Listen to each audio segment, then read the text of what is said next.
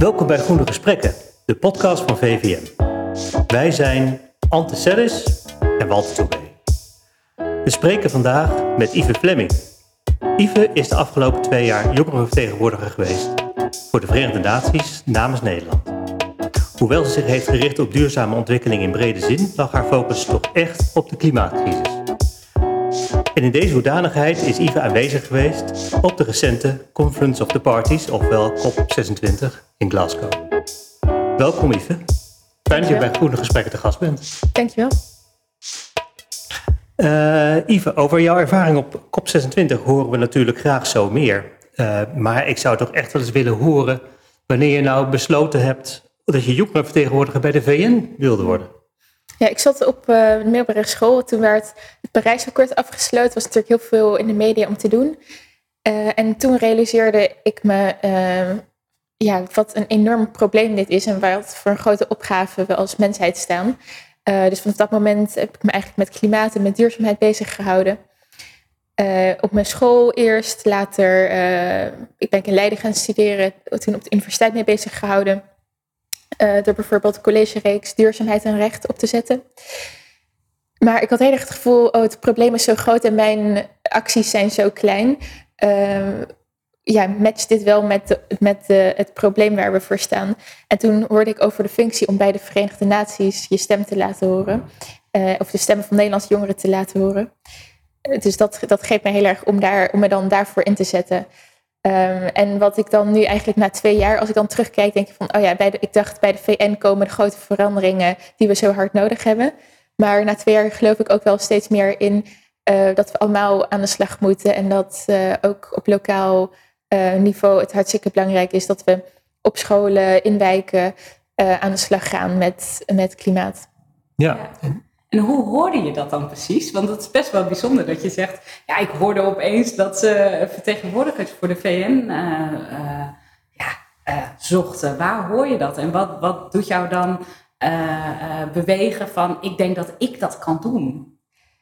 Ja, iemand in mijn omgeving die stuurde op een gegeven moment deze vacature door. Want de Nationale Jeugdraad in Utrecht die, die faciliteert de jongerenvertegenwoordigers. Dus elk jaar zijn er weer verkiezingen uh, dat, je, dat je kandidaat kan stellen en dan kunnen Nederlandse jongeren stemmen uh, op hun vertegenwoordiger. Dus dat, uh, op die manier ja, heb ik dat traject doorlopen. En ik dacht, ja, ik dacht, ik heb het ik heb kunnen laten zien op in mijn omgeving dat ik, dat ik heel serieus ben over klimaat en over de acties die we allemaal moeten nemen om, om, dit te, om hier aan te werken. Uh, dus ik geloofde wel dat, uh, met, dat met die ervaring ook uh, ja, bij de VN kon staan. Ja, want wat, wat, had je dan precies gedaan? Of hoe had je je omgeving laten zien van ik, ik heb al, ik vind dit echt belangrijk, stem op mij. Want kennelijk heb je de meeste stemmen gekregen. Dus je acties spraken ook voor jou. Ja, tijdens het, de week van het Parijsakkoord heb ik op mijn middelbare school bijvoorbeeld een klimaatconferentie georganiseerd. En daar hadden we eigenlijk oproep gedaan aan alle docenten om hun les uh, in het teken te stellen van klimaat. Uh, we hebben samen een boom geplant met, met de gemeente voor de school om te laten zien, kijk, wij, wij, wat er in Parijs gebeurt is ook relevant voor wat er in Maastricht, waar ik op school heb gezeten, gebeurt. En toen daarna op de Universiteit Leiden heb ik de college-reeks duurzaamheid en recht gestart, waarin studenten ook in, als je rechten studeert, dat je ook in het onderwijs leert over klimaat en over duurzaamheid. Uh, want het voelde heel erg als, oh, ik ben er in mijn, mijn, eigen vrije tijd mee bezig. Maar uiteindelijk lopen er duizenden studenten rond op een universiteit. En hoe wij als jongeren nadenken over, over de toekomst, hoe we dat in onze carrières kunnen toepassen, dat gaat het grote verschil maken, denk ik. Uh, dus het, ik vond het heel gek dat het niet in het onderwijs zat. Dus toen, heb ik, uh, toen ben ik die college-reeks gestart. Ik dacht, nou, uh, als, als het niet wordt aangeboden, dan ga ik het gewoon zelf doen. Um, ja, dus op verschillende manieren eigenlijk wel altijd vanuit onderwijs um, gewerkt aan klimaat. Ja. En zo'n zo'n zo'n selectieproces, hè? je zegt, ja, ik moest daar stemmen voor winnen. Hoe, hoe, doe je dat? Hoe pak je dat aan? Ja, ik vond het onwijs spannend, want um, zo'n selectieproces, dan sta je er nog niet uh, alleen voor het klimaat, maar je staat er ook wel voor jezelf. Dus ik moest aan, aan mensen in mijn omgeving gaan vragen, oh, wil je op mij stemmen? Uh, ik heb uh, bijvoorbeeld uh, een hele dag voor de bibliotheek gestaan. mensen tijdens koffie en rookpauze aangesproken van, goh, heb je even een minuutje om, om op mij te stemmen? Dus dat, ja, gewoon heel veel ja, mezelf moeten verkopen eigenlijk. En ik was, ik, ik was echt heel erg um, blij met alle, al het enthousiasme dat ik, dat ik ook wel terugkreeg. En uh, dat mensen doorstuurden. Um, ja, dat was echt, uh, heeft ook wel echt heel erg goed gedaan. Ja, ja. ja. En dan, dan ben je verkozen, dan ben je de jongerenvertegenwoordiger geworden. Um, en wat wordt er, wordt er dan van je verwacht? Heb je dan gelijk een beeld van, oh ja, dit is, dit is de rol die ik nu op me heb genomen. Wat ga je dan doen? Ik werd verkozen en drie weken later werd ik naar Madrid gestuurd, waar uh, COP25 plaatsvond. Dus dat was, ja, was een hele grote stap in één keer. En toen ik daar kwam, toen had ik eigenlijk nog helemaal niet door wat is nou een kop en wat wordt er besproken. Hoe gaat zo'n proces eraan toe? Dus dat was echt heel erg leren in de praktijk. Leren door te doen. Um, maar gelukkig zijn er bij zo'n kop lopen er ook jongeren van over de hele wereld rond. En sommigen die lopen, die zijn er al meerdere keren geweest. Uh, ik ging met uh, een collega, jongerenvertegenwoordiger, die, die al een keer eerder er was geweest. De, daarvoor was het in Polen, dus zij heeft dat proces kunnen meemaken. Dus op die manier wel heel goed gementord uh, door, door mensen om me heen. Ja, maar je werd dus eigenlijk wel oké, je bent verkozen, je wordt nu in de diepe gegooid. Hè? We, we, gaan gewoon kijken hoe dat gaat. Maar ik kan me ook uh, voorstellen dat je, je vertegenwoordigt wel Nederland en misschien vertegenwoordig je ook de Nederlandse jongeren. Voelde je daar al meteen senang bij? Dat je dacht, ja, die mensen die op mij gestemd hebben, dat zijn de Nederlandse jongeren. Ik weet wat zij willen. Of hoe, hoe gaat dat? Hoe is dat gegaan bij jou?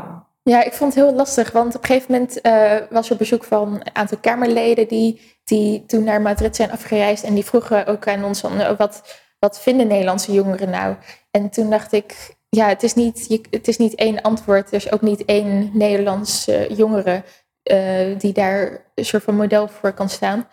Um, en, maar die vraag, en dat deze keer kwam het van Kamerleden, maar ik heb ook met ministers gesproken. En dat, dat is, soms voelt dat toch wel een beetje gek, omdat je denkt, ja, deze mensen hebben zelf ook een enorm bereik. Maar er zit wel uh, wat ik denk ook wel heb gezien de laatste twee jaar, is dat er ook wel nog een heel groot gat zit eigenlijk tussen, tussen uh, wat, wat er echt onder jongeren leeft en ook de enorm grote zorgen die heel veel jongeren hebben door. Dat, dat zien we bijvoorbeeld doordat jongeren straten opgaan, klimaatmarsen organiseren. Ja. Uh, en wat er dan vervolgens bij beleidsmakers en politici belandt. Ik denk dat daar nog wel een heel groot gat zit tussen de ja, echt wel existentiële zorgen die sommige jongeren hebben. En de actie waarmee dat wordt, uh, wordt beantwoord vanuit, uh, beleid, vanuit ja. de beleidskant. En want ik, ik zie hoe, hoe je hierover praat, dat je ook wel echt bewogen bent met de jongeren. Je zei ook, hey, ik ben, ben al sinds de middelbare school, heeft dat me aangegrepen. Um, en die kop in Madrid was dan de eerste waarin je in het diepe werd gegooid. Maar eh, heb je toen ook gedacht, god, die vraag van die, die Kamerleden, ja, wat, wat, wat willen die Nederlandse jongeren nou eigenlijk? Uh, dat je daar in, in, in de aanloop uh, naar Glasgow dan twee jaar later speciaal naar hebt gekeken van hoe moet ik eigenlijk achterhalen wat de Nederlandse jongeren vind, vinden? Of hoe ben je daarmee omgegaan? Ja, absoluut. Ja, we, we geven gastlessen door heel Nederland. Uh, dat doen we samen met een werkgroep van 15 uh, heel erg gemotiveerde jongeren. Dus dat is erg leuk om te doen. Dat doe je dan als jongerenvertegenwoordiger? Dat doen we als jongerenvertegenwoordiger. Ja, ja, dus dat, uh, dat ja, elke jongerenvertegenwoordiger reist dan met, met een werkgroep lid het land door. Um, dus ja, na, in die drie weken was ik nog niet op de school geweest. Dus dat voelde ook heel erg gek inderdaad om dan zomaar een vraag te beantwoorden. Maar toen ik naar Glasgow ging, toen deed ik het al twee jaar. En in die tijd heb ik wel veel scholen kunnen bezoeken, ook veel uh, digitale lessen kunnen geven, uh, jongeren kunnen spreken. En dan, dat, ja, dan heb je ook wel meer de legitimiteit om inderdaad te zeggen, nou, dit is wat ik heb gehoord. Um, en wel altijd met de kanttekening, ja, er is niet één jongere die die ik kan vertegenwoordigen. Er zijn sommige jongeren die zijn met heel andere zaken bezig. Of als je, ja, als je problemen thuis hebt, als je financiële problemen hebt, dan is klimaat niet het eerste waar je aan denkt. Maar ehm, er zijn heel veel jongeren ook die. Uh, ik was bijvoorbeeld, voordat ik naar, vlak voordat ik naar Glasgow ging, was ik op een school in Amsterdam. Uh, waar 14-jarigen hadden gewerkt aan een klimaatproject, mochten ze helemaal zelf invullen. En een van de leerlingen die had een overlijdensgedicht voor bijna uitgestorven diersoorten geschreven. Uh, en een ander, andere jongen die had uh, een, een roman, een korte roman over 2050 geschreven, waarbij de wereld eigenlijk uh, in brand stond. En toen dacht ik, ja, dit zijn, deze jongeren heb je ook heel veel die zo, nog eigenlijk nog zo jong zijn en toch al met zulke enorme zorgen zitten en vooruitkijken naar een toekomst waarvan zij denken, um, op deze planeet zou ik eigenlijk niet willen leven. Of we verliezen alleen maar dingen in plaats van toekomst is ook, ook iets positiefs en iets moois om naar uit te kijken. Dus die, ja, die zorgen die heb ik, die hebben me wel heel erg aangegrepen. En dat heb ik toen ook meegenomen naar Glasgow. En, en uh, daar um, verteld aan bijvoorbeeld de, uh, de demissionair premier was langsgekomen. Uh, met wie we toen zijn, met wie we toen zijn uitgenodigd voor een diner. En toen heb ik dat ook aan hem verteld. En ook precies deze verhalen laten horen. Dat het niet uh, zorgen om klimaat is niet iets abstracts. Of klimaatprobleem is ook niet iets abstracts. Het, is, het raakt ook heel erg wezenlijk aan hoe Nederlandse jongeren vaak denken. Ja, je hebt natuurlijk heel erg de stemming kunnen peilen onder, onder jongeren in al die gesprekken die gevoerd. Um, is, is, is het jouw uh, mening dat, of jouw idee dat de meeste jongeren hier bezorgd over zijn? Of zit er ook veel onverschilligheid bij jongeren? Ik heb wel het idee dat heel veel jongeren bezorgd zijn. Um, en dat onverschilligheid soms ook voortkomt uit, ja, het is al te erg. Uh, dus, of ook het idee van, ja, wat, uh, wat ik vanavond eet maakt niet uit voor de oplossing van het probleem. Uh, ik kom eigenlijk nog maar heel weinig jongeren um, tegen die zich geen zorgen maken. Dus bijvoorbeeld op scholen uh, als, we dan, als ik dan vroeg van, goh, uh, wie is er mee bezig? Dan was niet iedereen, bracht niet iedereen dat in de praktijk. Dus, um, maar het feit dat het probleem er is en dat we daar allemaal mee geconfronteerd zullen worden, dat, dat wist wel bijna iedereen. Ja, ja, ja. En, en op zo'n en op zo'n kop loop je natuurlijk, dat zei je zelf al hè, op je eerste kop, dat er ook heel veel andere jongere vertegenwoordigers uh, lopen. Heb je het dan ook over uh, uh, wat jouw bevindingen zijn en wat de bevindingen van andere jongere vertegenwoordigers in andere landen zijn? En is daar ook verschil in? Merk je daar ook verschil misschien tussen landen of tussen continenten? Of hoe denken de Nederlandse jongeren anders dan andere jongeren? Ja, wat ik heel erg interessant vind is, in Madrid ben ik jongeren tegengekomen uit uh, Aruba. En daar hebben ze al vaker orkanen uh, en extreme weersomstandigheden. En dat is, ook, dat is ook een land dat binnen het koninkrijk ligt. Dus um, ook, ja, ook soort van binnen het koninkrijk Nederland is ook, het, is ook de belevingswereld van jongeren heel anders. Um, en ik, in Nederland wordt er nog heel vaak gesproken over uh, klimaatverandering als een probleem in de toekomst. En jongeren maken zich zorgen om de toekomst. Maar in het Caribisch deel is klimaatverandering al iets wat vandaag gebeurt en waar mensen vandaag zorgen om hebben. En dat merkte ik ook bij uh, jongeren uit van kleine eilandstaten in de Stille Oceaan. Uh, regio die het hardst getroffen wordt door de klimaatcrisis. Dat zij, um, ja, zij, dus er zijn al eilanden onder water komen te staan. En de zorgen die zij hebben, dat gaat echt over, um, ja, kan ik nog wel op, kan ik nog wel op mijn eiland blijven wonen? Of um, ik, scholen zijn verwoest uh, vanwege, vanwege uh, cyclones. Dus hoe kan je dan, hoe kan je dan nog uh, studeren? Ja, studeren ja. eigenlijk. Ja, inderdaad. Nog een goed of een waardig leven leiden dat zijn echt totaal andere verhalen dan je in Nederland hoort. Ja, en dat probeer ik ook wel, die verhalen probeer ik ook juist wel mee te nemen terug naar Nederlandse klassen om te laten zien. Um, dit, ja, dit, dit is al uh, orde, aan de orde van de dag. Ja, ja. ja. Hebben, hebben alle landen eigenlijk uh, jonge vertegenwoordigers ingesteld uh, voor, de VN, voor de VN namens hun land? Nee, nog niet alle landen hebben dat. het zijn met name Europese landen die jonge vertegenwoordigers hebben. Um, ook vaak is het, zijn het ook wel financiële obstakels die dat uh, ja, delegaties uit ontwikkelingslanden vaak al zo klein zijn dat ze niet ook nog een jongere kunnen meenemen. Uh, dus er zijn heel veel Europese jongerenvertegenwoordigers. Maar uh, gelukkig zijn er wel veel NGO's die jongeren toegang kunnen geven of die jongeren kunnen sponsoren om te komen. Um, en dan zeker vanuit, uh, vanuit landen waar klimaatverandering nu al een groot probleem is. Dus ja, de, de COP in Glasgow, daar waren wel echt zeker minder jongeren, minder activisten dan daarvoor. Um, maar ja, je komt gelukkig nog best wel veel mensen tegen die, die ook heel erg goede feeling hebben met wat er in hun land gebeurt. Dus het is niet heel veel mensen heel veel jongeren die daarheen gaan, die gaan er ook niet voor zichzelf heen, maar die hebben ook uitgebreide consultaties gedaan. Die zijn betrokken bij meerdere organisaties. Dus het verhaal dat zij vertellen is ook wel het verhaal van meerdere mensen. Ja, ja, ja. En, en ben jij dan de enige namens Nederland die uh, jongerenvertegenwoordiger is bij de VN? We hebben twee jongerenvertegenwoordigers duurzame ontwikkeling. Ja.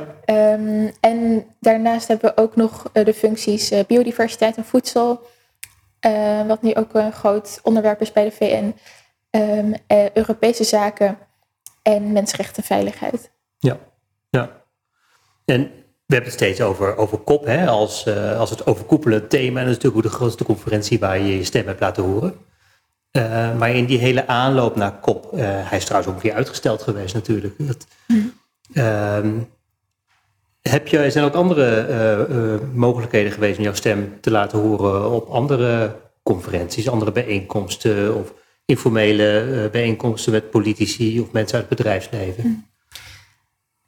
Ik heb um, gewerkt aan een, aan een uitgebreide consultatie van uh, het NDC-partnership. Dat is een samenwerkingsverband van um, meer dan 100 landen en instituties zoals UN Development Program, UN Environment Program en UNICEF. En wij hebben wij wilden eigenlijk weten, landen moeten nu hun uh, moesten afgelopen jaar hun klimaatplannen indienen bij de VN. En wij wilden weten wat zijn nou voor jongeren de grootste obstakels en de grootste kansen als het gaat om de inhoud van die klimaatplannen. Dus uh, we hebben toen consultatie gedaan met jongeren uit uh, meer dan 80 landen en precies deze vragen voorgelegd. En daar kwam eigenlijk best wel eenduidig antwoord uit. Namelijk dat het grootste obstakel is, zijn, is financieel. Dus het is bijvoorbeeld heel lastig als, als, als je net een organisatie start of als je met een project bezig bent om um, ja, bijvoorbeeld een stichting op te richten. Dat is heel kostbaar. Uh, maar ook je moet vaak om, om funding te krijgen, moet je vaak meerdere jaren bestaan, moet je een goede geschiedenis hebben. Ja, als je een jong initiatief bent, dan heb je dat vaak niet. Dus op die, dat soort manieren is het, is het vaak lastig. Um, maar de grootste kans was onderwijs, omdat uh, eigenlijk alle, uit alle landen zeiden jongeren, we willen meer weten over klimaat en we meer weten, um, niet alleen bij, uh, bij technische studies, maar ook daarbuiten, wat, hoe gaan we nou om met klimaat of hoe kunnen wij ons steentje bijdragen. Dus die, al die informatie die hebben we toen omgezet, uh, met een klein team hebben we dat toen omgezet in aanbevelingen. En die aanbevelingen die hebben we toen uh, overhandigd aan, aan al die landen in het partnerschap. En Costa Rica die heeft, heeft er bijvoorbeeld gelijk een aantal geïmplementeerd in hun klimaatplannen bij de VN. Dus die hebben, ja, die hebben dit heel erg gesteund en ook bijvoorbeeld zelf aandacht gevraagd voor de positie van het kind als het om klimaat gaat. En ook heel erg ingezet op participatie. Dus niet alleen de interesses en de, de, de, problemen die jongeren ervaren, maar ook wat is nou goede participatie als het gaat om samen beleid maken. Ja. Dat is echt een heel mooi voorbeeld. En ik vraag me meteen af, als ik jou zo hoor, dan denk ik, ja, je bent echt een bepleiter voor, voor de stem van jongeren.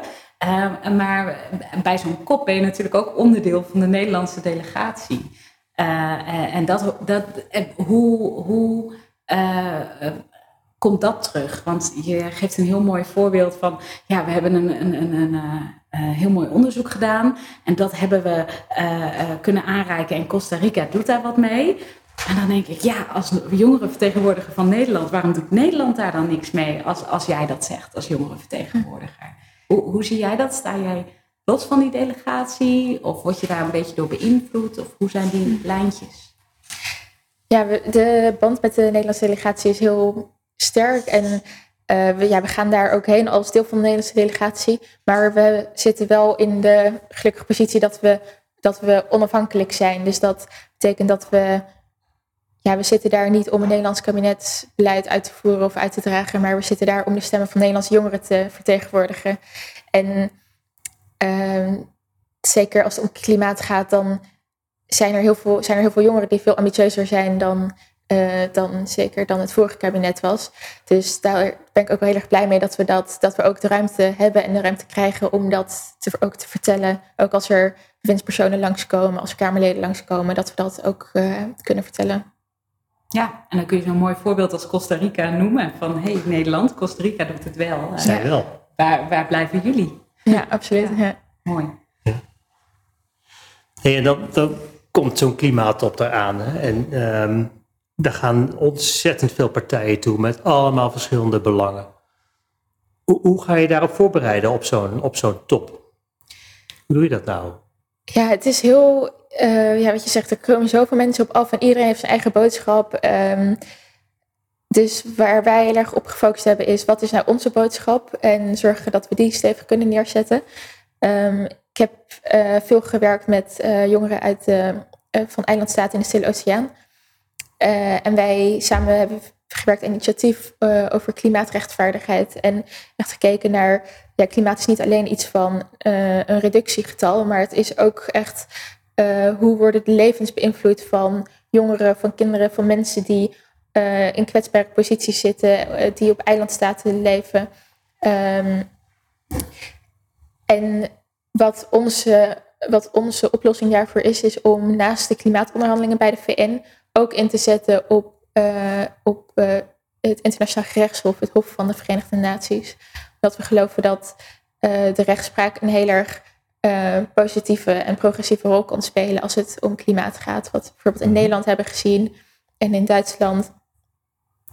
Uh, en dat, het, het, dat dat ook nu op internationaal niveau zou moeten gebeuren. Dus het Hof van de VN is daar wat ons betreft echt het, het, het juiste orgaan voor. Um, dus daar, dus we, hadden, we hebben veel samengewerkt om die boodschap stevig neer te zetten door bijvoorbeeld panelgesprekken te organiseren, door, door ministers te spreken. Um, ik, toen ik naar het diner met uh, Mark Rutte ging, toen uh, heb ik iemand meegenomen van de Salomonseilanden in de Stille Oceaan, die heel erg goed zijn eigen verhaal kon vertellen en kon bepleiten waarom het Hof, uh, het Internationaal Gerechtshof dat in Den Haag ligt, de, ja, nog een oplossing is om aan klimaatrechtvaardigheid te werken. En, en zie jij kan je ook iets, in Nederland hoor je heel veel over energiearmoede. Hè? Dat is misschien ook iets wat wij zien als, in Nederland als klimaatrechtvaardigheid. Uh, kun je dat daar dan ook aan koppelen, aan dat grote verhaal van iemand van een eiland uit de Stille Oceaan? Lukt dat bij, als jij bij dat soort diners zit? Of wordt daarnaar gevraagd vanuit de bewindslieden? Ja, er is absoluut. ik denk dat er heel veel aandacht is voor uh, ook voor de positie van jongeren. En ik denk dat, dat jongeren ook wel veel sterker dat, dat verband zien met um, hoe bijvoorbeeld een energietransitie uh, mensen in kwetsbare posities eigenlijk nog kwetsbaarder zou kunnen maken. Um, en om er dus ervoor te zorgen dat de oplossingen die we nemen, dat dat uh, heel erg gericht is op, op eerlijkheid en rechtvaardigheid. Um, dus dat is, ja, daar, daar werd absoluut uh, naar gevraagd en dat proberen we dan ook te vertellen. En um, ja, ook inderdaad klimaatverandering of klimaatrechtvaardigheid kan een heel groot abstract verhaal zijn, maar het gaat ook om eh, ja, het gaat ook om mensen eh, in, die in Nederland wonen of die, die eh, je in je omgeving hebt of die bij wie je in de straat woont. Ehm, en om ervoor te zorgen dat, dat het Hof dat in Den Haag ligt, ehm, dat dat toegankelijk wordt, dat dat ook ingezet wordt voor, voor mensen en niet alleen voor, voor grote voor landen of voor abstracte problemen. Dat is heel belangrijk. Ja. Ja, en ehm, hoe, hoe, ehm, hoe heb je ook contact gezocht met um, jonge vertegenwoordigers uit, uit andere Europese landen? Ik hoor je spreken over de eilandstaten. en tegelijkertijd vertelde je dat eigenlijk heel veel Europese landen uh, ook een klimaat of een, een jongere gezant uh, hebben aangesteld. spreken die dan ook allemaal met dezelfde, ik zeg, met dezelfde boodschap? Probeer je daar één, één front in te vormen, één lijn in te vormen? Of zie je ook veel, hoor je ook wel andere geluiden? We proberen elkaar heel erg op te zoeken. Uh, we hebben bijvoorbeeld veel samengewerkt met de, uh, de Belgische jongerenvertegenwoordiger. Uh, je hebt, tijdens de kop heb je de soort van de technische onderhandelingen, maar je hebt ook een slotverklaring, wat een vrij, wat eigenlijk meer een politiek statement is. En in die slotverklaring hebben we heel nauw samengewerkt met de Belgische jongerenvertegenwoordiger, met jongeren uit Mexico, uit Nieuw-Zeeland, om te kijken om daar een paragraaf over jongerenparticipatie in te krijgen. Um, dus we hebben dat uh, bij de, toen bij de EU aangekaart, bij, de, bij het VK aangekaart. Uh, en eigenlijk best wel veel steun voor gevonden, ook vanuit, uh, ook vanuit dus niet van, alleen vanuit jongerenvertegenwoordigers, maar ook vanuit de verschillende landen. Um, en tot, ja, tot ons grote genoegen is die paragraaf over jongerenparticipatie is ook in de slotverklaring gekomen. Dus dat betekent dat daar ook in volgende jaren kan er ook op worden voortgebouwd. Dat je, dat je uh, kijkt naar hoe kan je jongeren nou betekenisvol betrekken. Uh, wat zijn nou de belangen die misschien anders liggen dan, uh, dan bij andere groepen, bevolkingsgroepen. Hoe kan je jongeren nou op zo'n manier in beleid meenemen, in, in de uitvoering meenemen, in de grote plannen meenemen. Dat, dat je ja, dat je van betekenisvolle jongerenparticipatie kan spreken. Ja, ja, ja, dat is natuurlijk een fantastisch resultaat. Uh, hè, ik, ik, hoor ze ook heel graag um, van je hoe, hoe, belangrijk dat is dan voor, voor jongeren. Um, maar om tot dat resultaat te komen op zo'n op zo'n kop, uh, dat vraagt denk ik nog, nog wel wat. Hè? Dus je, je gaat naar zo'n kop toe, je hebt je daarop voorbereid, je hebt, die, uh, je hebt medestanders gevonden, mensen die zich ook voor datzelfde idee willen inzetten. En dan, dan begint zo'n kop en dan zijn al die mensen daar. Hoe zorg je dan dat jouw stem als een van die hele vele stemmen uiteindelijk in zo'n verklaring terechtkomt? Ik denk dat het heel belangrijk is om, om samen te werken. Um, want als Nederlandse jongvertegenwoordiger dan ben je inderdaad maar één stem. Maar uh, doordat we ja, echt uh, over verschillende continenten en werelddelen de handen in elkaar konden slaan, hebben we stonden veel sterker en kregen we ook de aandacht van de EU bijvoorbeeld, um, die dat toen ook heeft ingebracht bij, bij het voorzitterschap, uh, bij het VK. Dus um, ja, nou samenwerken en dan zorgen dat je de juiste mensen aanspreekt. Uh, dus degene die, die uh, dan echt bij de onderhandelingen over de slotverklaring zitten, dat die personen weten dat dit belangrijk is, of dat zij de juiste tekst hebben, um, dat zij er enthousiast over zijn daar hebben we toen, uh, toen hard aan gewerkt. Ik hoor nu heel erg over Glasgow van het is op het juiste moment inspringen en voorbereid zijn. En ik heb uh, uh, bij deze kop in Glasgow viel het me eigenlijk ook heel erg op.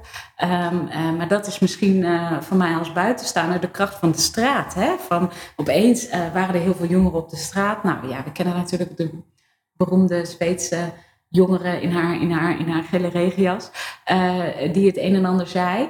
Um, merk je dat ook, dat dat, dat, dat veel meer uh, speelt en ook bij deze kop dus ook wel uh, misschien doorslaggevend was voor jullie succes? Ja, absoluut. Ja. ja. in Madrid twee jaar geleden, toen werd er in de onderhandelingshuisjes werd er ook heel vaak gerefereerd aan jongeren die de straten opgingen.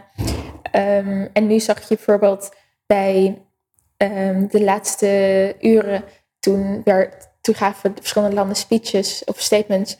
Uh, dat Timmermans ook zijn mobiel trok om te laten zien, oh, dit zijn mijn kinderen en uh, ik doe het voor hen. En het is, ik geloof zeker dat er van ook het, het besef van de kracht van jongeren en kinderen enorm is ingedaald. En dat, ehm, dat er, en dat dat niet alleen wordt gezien vanuit, oh zij zijn het slachtoffers gelukkig, maar heel erg juist vanuit um, wat een kracht hebben, hebben de jongere generaties. En zij zien het op, zo, op hele jonge leeftijden, zien, zien wij het probleem al en komen we met heel erg concrete oplossingen. We gaan zelf aan de slag. We, we kunnen ook bij de VN staan en meedenken en meepraten. Um, dus dat, is, ja, dat, is, dat heeft zeker invloed gehad. Ja, en jullie laten nu zien, we laten niet los. We zitten in die, in die slotverklaring. En hoe nu verder? Ja. Hè, wat, wat, hoe zie jij dat dan voor je, voor een volgende kop? Want je bent nu geen jongerenvertegenwoordiger meer, maar je hebt dus wel eigenlijk uh, iets achter kunnen laten. Hoe, hoe zie jij dan de toekomst van jongeren in die, in die kop en uh, bij de onderhandelingen? Ik denk dat het heel belangrijk is dat uh, landen jongeren meenemen in hun delegaties. dus dat, dat er meer landen een jongerenvertegenwoordiger meenemen. En ja, sommige landen hebben financiële barrières om dat te doen. Dus Nederland kan bijvoorbeeld een, een, een jonge vertegenwoordiger sponsoren. Dus een paar jaar geleden wel eens gedaan met uh, iemand uit Afghanistan.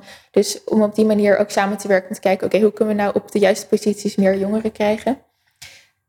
en um, daarnaast is het ook heel belangrijk dat de afspraken die er gemaakt worden, dat die wel echt um, aansluiten bij het anderhalve graden doel. Um, want ja, als dat niet het geval is, dan, dan uh, kunnen we geen leefbare planeet achterlaten voor de toekomstige generaties. Dus, die, dus aan de ene kant jongerenparticipatie en aan de andere kant meer ambitie is, uh, is heel belangrijk. Ja, ja, ik begrijp het. Um, we hebben ook een vraag gekregen van iemand uit onze eigen uh, organisatie, een lid van, van de VVM. Um, en die zou ik je eens voor willen leggen. Um, Misschien dat we die even kunnen inzetten. Mijn naam is Rob Zwart. Ik heb vanaf eind tachtiger jaren gewerkt op het snijvlak van klimaatonderzoek en beleid. Toen werd al afgesproken als de zogenaamde ultimate objective dat uh, concentraties van broeikasgassen zouden moeten worden gestabiliseerd en wel op een niveau dat ecosystemen zich zouden moeten kunnen aanpassen, de voedselvoorziening zou niet in gevaar moeten komen en economische ontwikkeling zou zich moeten ontwikkelen op duurzame wijze. Nou, volgens mij is in drie decennia heel weinig hiervan terechtgekomen. Integendeel. Nou mijn vraag is nu, heeft dat hele Verenigde Naties, dus de UNFCCC, uh, vergadercircuit, überhaupt nog wel zin? Is het niet een verspilling van tijd en moeite? En kunnen we onze energie niet beter richten op uh, andere manieren om verandering tot stand te brengen, effectiever? Ja, dat is natuurlijk nogal een vraag. Uh, heeft, dit, heeft dit nou wel zin? En er ligt wel de gedachte achter dat we kennelijk nog niet heel veel voortgang hebben gemaakt sinds de start van deze uh, kops. Hoe zie jij dat? Ik denk dat uh, wat er absoluut veranderd is, is dat er veel breder uh, besef is dat, klimaat een, dat de klimaatcrisis een existentiële bedreiging vormt voor de mensheid. En dat, dat er ook veel meer wordt nagedacht over wat, hoe kunnen we nou mensen beschermen tegen deze gevolgen. En ook dat op zo'n manier doen dat het eerlijk is en dat je daar dus ook brede participatie voor nodig hebt. Um, ik denk wel dat we nog steeds helaas op een punt staan dat het niet voldoende is en dat de plannen die er nu liggen van de verschillende landen, dat dat nog steeds niet op anderhalve graad uitkomt. Um, maar ik geloof enorm in de kracht van de straten opgaan. Uh, in Nederland hebben we die vrijheid om dat te doen. Uh, om aandacht te blijven vragen in de media uh, en op andere plekken uh, voor dit probleem. En op die manier ja, zorgen dat, onze, dat we onze bes, besluitvormers ook verantwoordelijk houden voor, voor de keuzes die er vandaag gemaakt worden, maar die een enorm lange van enorm grote invloed gaan zijn op, op de toekomst. Ja, ik, ik, proef een beetje in de vraag hè, dat de gedachte er ook achter ligt. Zijn er misschien ook andere manieren, manieren waarop we deze verandering tot stand kunnen brengen? Ja, ik denk dat de klimaatonderhandelingen bij de VN, dat is één manier. Um, ja, daarnaast ik het ook al gehad over zelf aan de slag gaan. En uh, ja, uiteindelijk uh, zal de grote verandering uh, niet vanuit de VN komen, denk ik, maar vanuit, um, vanuit organisaties en bedrijven die het zelf gaan doen en die zelf aan de slag gaan en het probleem zien en daar gepaste oplossingen bij bedenken. Ehm, maar we, en het project waar ik aan werk is dat we ook kijken naar hoe kan nou internationaal, het internationale hof en hoe kunnen we nou andere routes eigenlijk binnen de VN bewandelen om klimaatrechtvaardigheid te bevorderen en te zorgen dat er meer klimaatactie komt. Dus ook dus niet alleen inzet op die klimaatonderhandelingen, maar veel breder ook het VN-systeem bekijken. Uh, dat is opgezet om internationale vrede en rechten te bewaken en mensenrechten te beschermen. Uh, dus daarin moeten we niet alleen de, de klimaatroute bewandelen, maar echt veel breder kijken. Wat, welke routes zijn er nou binnen dit systeem dat, uh, dat, dat ons allen moet beschermen om klimaatactie af te dwingen? Ja, mooi. Ik hoorde het ook al van de klimaatgezanten uh, met een terugkoppeling op deze, op deze kop, dat hij zei, de, ja, de kop is heel belangrijk voor momentum. Maar je ziet ook wel dat er gelegenheidscoalities komen om bepaalde ja, ja, maatregelen verder te laten slagen of niet. dat is misschien dan de toekomst van het klimaatbeleid. Ja, zoals er op, op in, in Glasgow een aantal subthema's apart zijn genomen over methaan. Ja. Hè, over het stoppen van subsidiëren van, van fossiele brandstoffen over de grens, kolen en dergelijke. Uh, nog zo even mijmerend over, over Glasgow. Uh, was het nou geslaagde kop voor, uh, voor jou? Is het iets waarmee we verder kunnen als mensheid? Het is lang niet voldoende uh, wat we nodig hebben. Dus uh, er, is echt, er moet echt nog heel veel gedaan worden. En ook uh, alle ja, activisme en alles, ja, alle boodschappen van organisaties, die zijn heel belangrijk om daarmee door te gaan. Um, en ik denk dat als dat, ja, als we, als dat mogelijk is, dan zullen ook de urgentie en de, de boodschappen uh, duidelijk uh, gehoord worden. Want wat ik, wat ik wel merkte in Glasgow is dat iedereen, er is geen vraag meer over, is dit een probleem, moeten we het oplossen uh, en hoe groot is de, is, is, is de urgentie. Maar dat het nu ook wel echt aankomt op hoe eerlijk zijn de oplossingen die we gaan nemen. En dat, daar is het heel erg belangrijk dat, dat iedereen zich blijft uitspreken voor, voor meer rechtvaardigheid en ook voor snellere actie om te zorgen dat we op anderhalve graad uitkomen. Ja, ja. Dus wel resultaat, maar het moet sneller, hoor ik je zeggen. Het moet veel sneller. Ja, ja. Nou, um, jouw termijn zit erop als jonge vertegenwoordiger. Maar um, je strijdt zo te horen nog lang niet. Um, wat, wat zijn je plannen? Wat ga je, wat ga je vervolgens doen?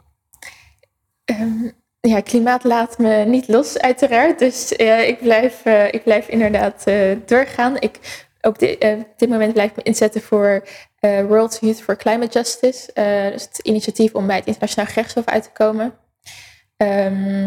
en ja, daarna pro probeer ik op op ja, alle mogelijke manieren um, een steentje bij te dragen. Maar hoe dat eruit gaat zien, dat weet ik nog niet. Nee. Ah, klimaatminister zou ik zeggen, die krijgen we hè? Post is vrijgekomen, ja. nou, we hopen in elk geval nog heel veel van je te horen in, in de toekomst. En um, nou, hou vast zou ik zeggen. En ga verder zo. Dankjewel. Dankjewel. Dankjewel. Um, heel erg bedankt voor je komst, Yves. Um, ook bedankt aan jou vandaag, luisteraar. Mocht je vragen hebben, stel ze dan gerust. Bijvoorbeeld in een comment onder de podcast op Soundcloud. Of via www.vvm.info. En we hebben ook, uh, omdat we nu met de jongerenvertegenwoordiger hebben gesproken, uh, is het een mooi moment om uh, aan te geven dat we ook een sectie VVM Jong hebben. Dus mochten jullie daar in de VVM geïnteresseerd in zijn, of mocht je dit geluisterd hebben en je denkt, wat doet de VVM, het netwerk voor milieuprofessionals aan jongerenparticipatie? Nou, dat doen we in, in de sectie. de volgende podcast gaat over het raakt aan dit thema. Het gaat ook over, over klimaatrechtvaardigheid. En daarvoor hebben we een gesprek met Raki Ab. dus luister daar ook naar. Dankjewel. Tot de volgende groene gesprek.